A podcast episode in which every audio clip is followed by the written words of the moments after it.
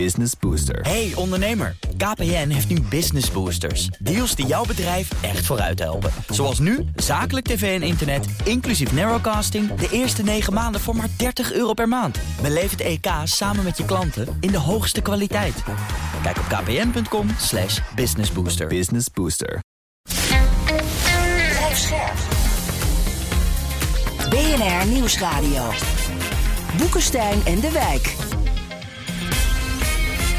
Hugo Reitsma. Dit is een extra uitzending van Boekenstein en de Wijk in verband met de oorlog in Oekraïne en de crisis met Rusland. Het is woensdag, dag 245 van de invasie. Eerst even een uh, dienstmededeling. In december staan we in de theaters uh, door het hele land met een extended editie van Boekenstein en de Wijk om de geopolitieke jaar te beschouwen. Veel plekken raken daar al uitverkocht, hoor ik. Dus wees er snel bij als je wil komen. Bijvoorbeeld naar Delft of Zwolle. Daar zijn nog kaartjes beschikbaar. Hmm. Want, want, Den Haag is uitverkocht en, en Utrecht ook, hè? Uh, Rotterdam bijna. Ik heb zelf gewoon heel veel kaartjes gekocht. Ja. Beetje Thierry Baudet. Ja. ja, exact, ja. Goed, van de situatie op de grond hier naar die in Oekraïne. Arjan, kan je ons daar wat over vertellen? Ja, er is veel uh, gebeurd. Niet zozeer op de grond, maar wel uh, eromheen, om het zo maar te zeggen. Maar ik begin even op de grond. Er is een, uh, een missileaanval op Dnipro, de grote stad Dnipro is een mevrouw, een zwangere mevrouw bij omgekomen. En verder staat er dan van die kleine zinnetjes aanvallen op 40 Oekraïnse settlements all over Ukraine. Hè? En verder, ja, het oude nieuws is natuurlijk dat Oekraïne toch wel uh, een gestage kleine opmars maakt uh, richting Gerson. Allerlei dorpjes worden erbij uh, gevoegd. Hè? Mm-hmm. Maar goed, daar gaan we straks uitgebreid over praten. Ja, interessant misschien... trouwens, Arend Jan, is dat het tempo van de aanvallen Verminderd. op de elektriciteitscentrales en op de steden wel, wel lager wordt. Dat is wel interessant. Ja. Maar het, het laat natuurlijk onverlet dat al die aanvallen dat zijn gewoon oorlogsmisdaden. Dat, moeten we, dat mogen we niet vergeten. Dat mag gewoon helemaal niet. En in de Veiligheidsraad van de VN is daar ook over gesproken. Het is gewoon, dit, is gewoon, dit mag gewoon niet, punt, uit. Ja. En het gebeurt wel. En dat zegt ook heel veel over de gesteldheid van Poetin en wat hij op dit ogenblik uh, doet om toch te proberen de bovenliggende partij te worden. Dat hij geen grenzen meer in acht neemt. Ja, Niks geen meer. grenzen meer. Ja, de handschoenen gaan uit, ja. En 30% jongens van de power generation, van de elektriciteitsvoorziening, is dus al uitgeschakeld. Ja, door die. ja. En, en uh, Zelensky zegt ook tegen de Oekraïense vluchteling in het buitenland, kom maar niet terug, want we krijgen een hele zware winter. Ja. ja, dat is niet niks, jongen. Dat is niet niks. Nee, dat klopt. Dat klopt. Kijk, het, het enige lichtpuntje is, is dat, uh, ja, dat hebben we natuurlijk ook heel vaak gezegd hoor, dat Rusland toch door zijn voorraden uh, uh, wapens raakt. Budanov, het hoofd van de inlichtingendienst van Oekraïne, die zegt van, ja, hij heeft nu vooral kruisraketten die veel minder precies zijn. Er zijn afzwaaiers bekend van 800, 900 meter. Interessant is dat hij nog maar 13% van zijn Iskander-raketten over heeft. Ja, dat zijn uh, raketten uh, voor de wat uh, korte, middellange afstand, waarmee hij dus behoorlijk wat doelen kan, kan raken. Geldt ook voor de kaliberraketten, iets meer dan de helft is daarvan weg. En dan heb je nog allerlei andere raketten, dus ook ongeveer voor de helft zijn die op. 70% van de drones die wordt neergehaald op dit ogenblik door Oekraïne. Dus ja, er wordt wel iedere keer gezegd, hij gaat door zijn, uh, door zijn voorraden heen. Maar tegelijkertijd heeft hij er nog een hele hoop over. Ja. Ja. Hebben we iets meer duidelijkheid over die situatie in Gerson, waar we de afgelopen dagen zo naar hebben zitten ja, kijken, is, wat daarvan te ja, maken? Ja, ja, ja, zeker. Dat is echt wel, wel interessant wat daar uh, gebeurt. Uh, het, het, het, wat daar gebeurt op dit ogenblik, dat ondersteunt toch uh, de, de veronderstelling dat er een enorme slagpartij gaat te komen. Dat Poetin niet zomaar Gerson gaat op uh, opgeven. We hebben al eerder geconstateerd uh, dat uh, van die Russische verhalen dat 20.000 mensen uit de stad zijn geëvacueerd, dat die vermoedelijk niet kloppen. De Oekraïne zelf houdt er op enkele duizenden. we zien ook steeds meer berichten komen. dat de reden waarom de mensen uit de stad worden gehaald is inderdaad om ervoor te zorgen dat de overgeblevenen eigenlijk tot vijand kunnen worden verklaard. Dat zijn of partisanen of nazi's, tussen aanhalingstekens, dus overgebleven Oekraïners. Dus niet iedereen gaat die stad verlaten, alleen de Russen verlaten die stad. Dat is echt belangrijk hoor, om dat, uh, om dat uh, even goed in, uh, in ogenschouw te nemen. Want dit betekent gewoon dat die stad dus niet leeg raakt op korte termijn. Maar dat die dus echt onderdeel wordt van een, van een grote strijd. Ja. als je vervolgens kijkt, wat bijvoorbeeld ook nu weer Zelensky's adviseur Oleski uh, Arestovic uh, zegt. Uh, die zegt van we bereiden ons nu voor op een hele zware strijd. Ja. van terugtrekking, van Russische terugtrekking is geen sprake. Ze graven zich in en willen niet opgeven. Dat zijn de woorden van Zelensky's adviseur. Het is dus echt niet zo dat op dit ogenblik de Russen bezig zijn om volop zich terug te trekken. Het is ook niet zo, wat ik ook van sommige analisten hoor dat er alleen maar vertragende gevechten zijn, waardoor uh, de stad kan worden geëvacueerd en de troepen kunnen worden teruggetrokken. Hm. Uh, de Oekraïners zeggen nu zelf dat er natuurlijk uh, wat paden overblijven, ook over de rivier, om als de nood aan de man is te kunnen terugtrekken.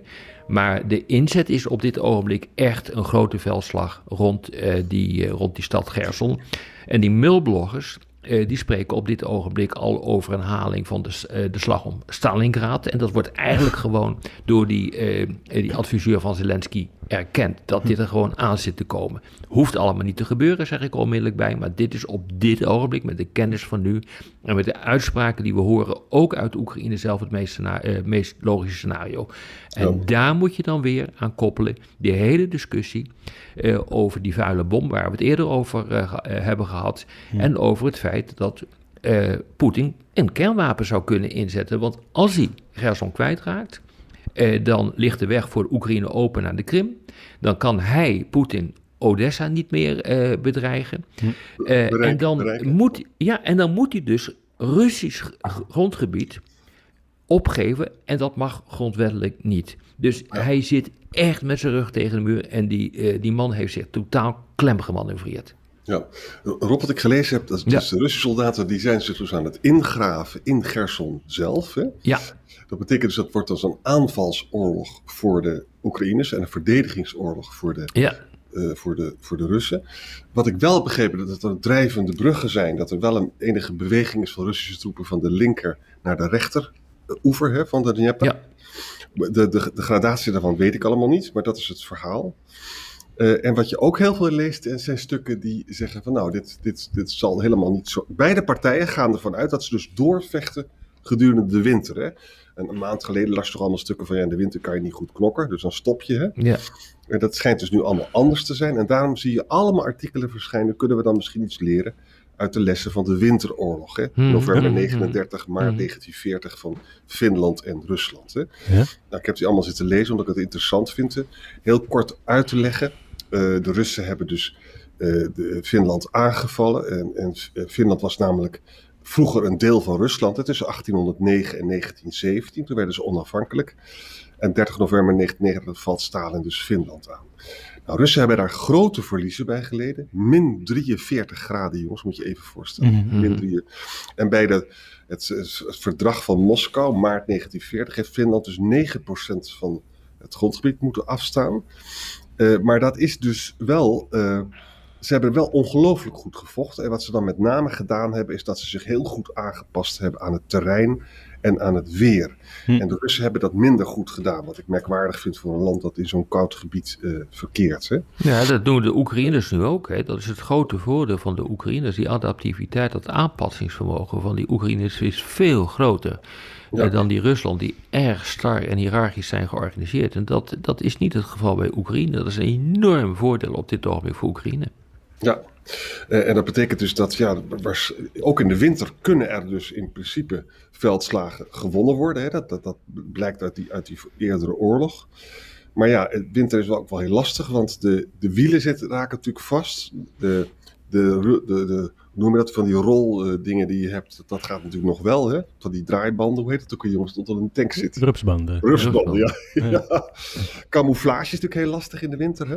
Dus alles nee, je kan het gewoon wit maken. Ja, je moet het wel wit maken. Dat is op de polen ook uh, op die manier, hoor. Ja. En, de, en de, het vliegen en ook de drones is lastiger als het heel erg vriest. Hmm. En dat, zijn, dat zijn dingen die je er allemaal leest. Nou ja, we moeten maar zien hoe het gaat. Maar er komt volgens mij, iedereen praat er nu over dat er een enorme veldslag aan zit te komen. En Ja. omdat de Russen zich ingraven in Gerson. Dat is eigenlijk het verhaal. Ja, Eh, ja, Eerder was toch het idee, of althans ja, wat ik dan begreep, dat de Oekraïnse strategie zou zijn, als ze dan misschien daar stroomopwaarts die dam bij Nova ze die in handen krijgen of onbruikbaar maken, dat ze dan de Russen daar in Gerson gewoon kunnen insluiten.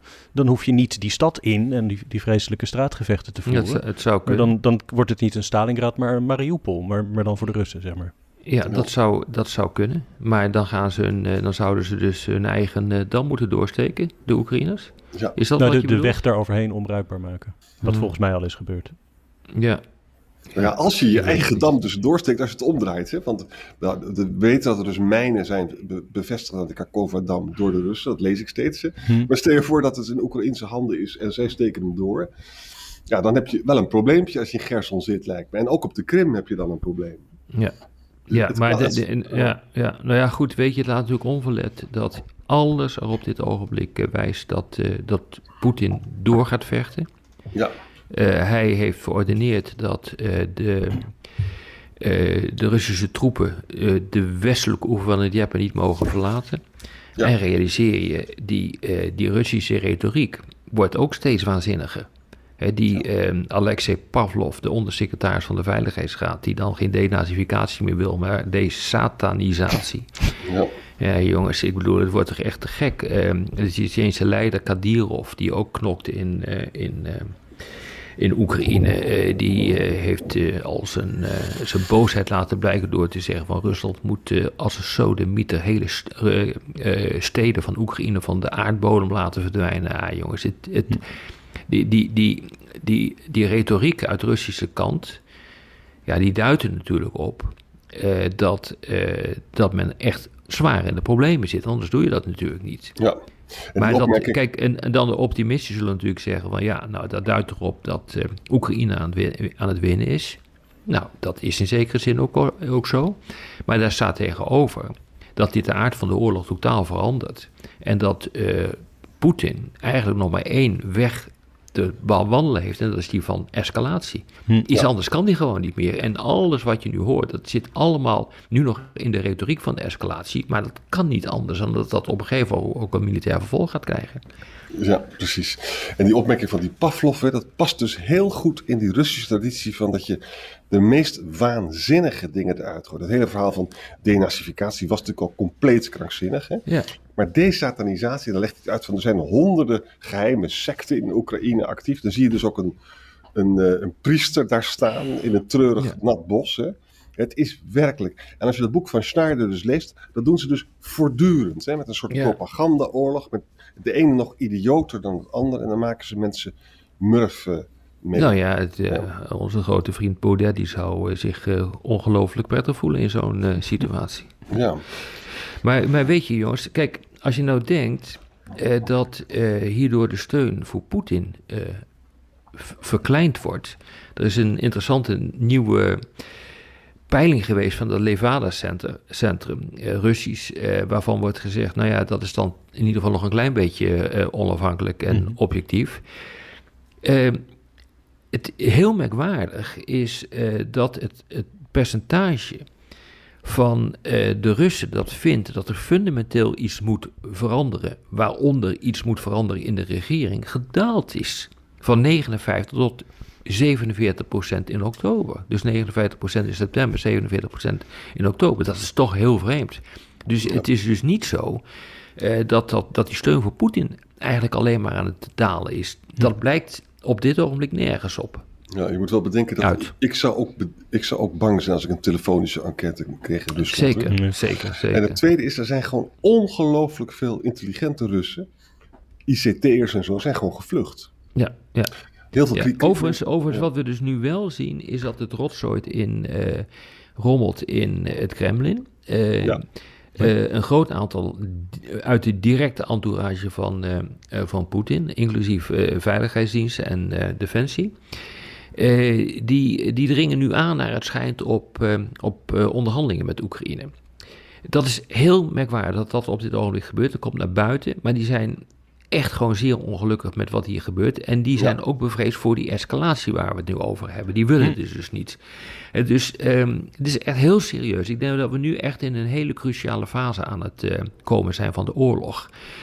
Um, overigens is het, hebben jullie dat gezien wat er in Amerika is uh, gebeurd? Met ja, um, 20 uh, democraten. Met, ja, ja democraten die van een democratische progressieve caucus uh, binnen het huis, uh, die in een brief hebben laten weten aan Biden van ga dan maar gewoon onderhandelen, want dat is belangrijk. En dat is van tafel geveegd, hè? En ze hebben zich teruggetrokken. Ja, ja, en bedenk goed, het, binnen de Republikeinse Partij is het ook, ook een strijd van mensen die pro-Oekraïne steunen en mensen die daar kritischer over zijn. En ja, ik blijf het maar zeggen, maar de cijfers van Biden zijn niet goed.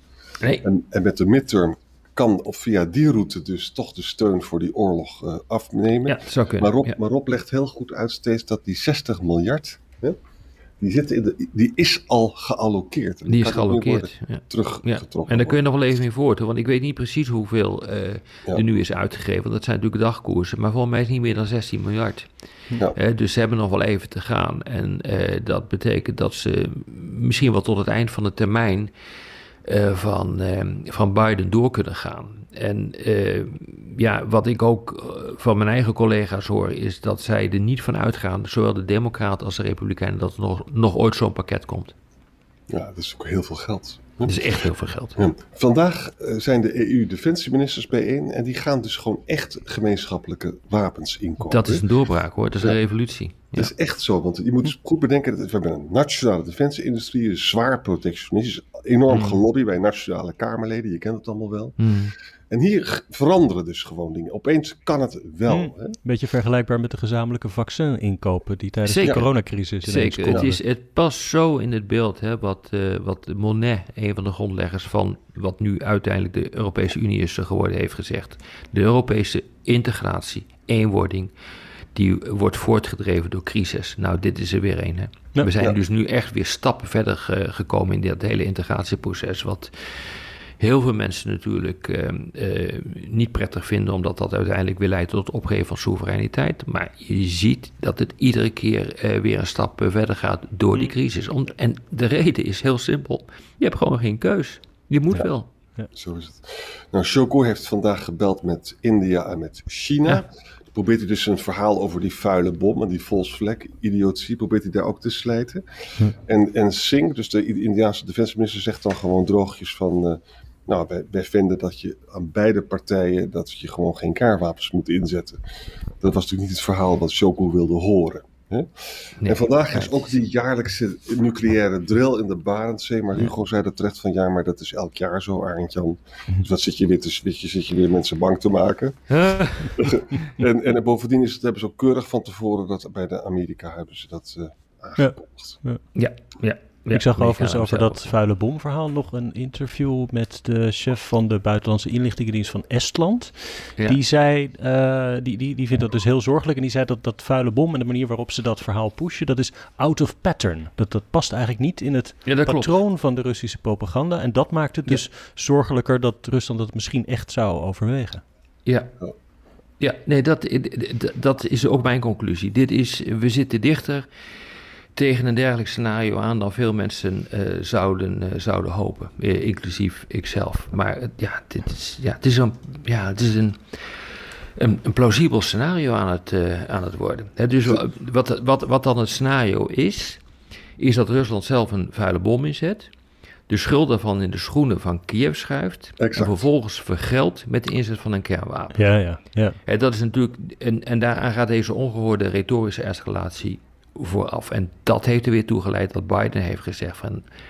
Poetin, doe dit niet. En als Biden, Biden heeft het nu al drie, vier keer gezegd. Ja. Dus zij moeten, ook de inlichtingendiensten moeten echt gewoon goede aanwijzingen hebben... dat dit mogelijkerwijs toch staat te gaan gebeuren. Ja. Als dit niet gebeurt, dan komt dat denk ik eerder door druk uh, van buitenaf.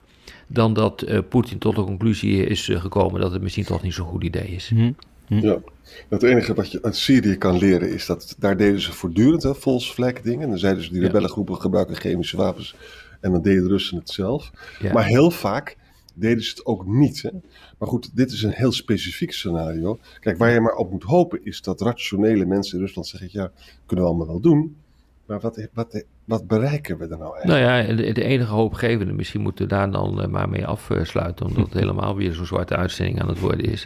Het enige hoopgevende is dat dus die, die, dat binnen het eh, Kremlin, vooral die Siloviki, die, uh, die, uh, die mensen die uh, zeg maar ook een machtspositie ontlenen aan inlichtingendiensten, defensie, de, de, nabijheid van, aan, van Poetin, mm -hmm. dat die nu kennelijk zeggen van hou hiermee op en ga onderhandelen. Ja, ja laten we met die gedachte dan maar afsluiten. Zo is het. ja. Dank weer. Tot morgen jongens. Graag gedaan en tot morgen. Business Booster. Hey ondernemer, KPN heeft nu Business Boosters. Deals die jouw bedrijf echt vooruit helpen. Zoals nu, zakelijk tv en internet, inclusief narrowcasting... de eerste 9 maanden voor maar 30 euro per maand. Beleef het EK samen met je klanten in de hoogste kwaliteit. Kijk op kpn.com businessbooster. Business Booster.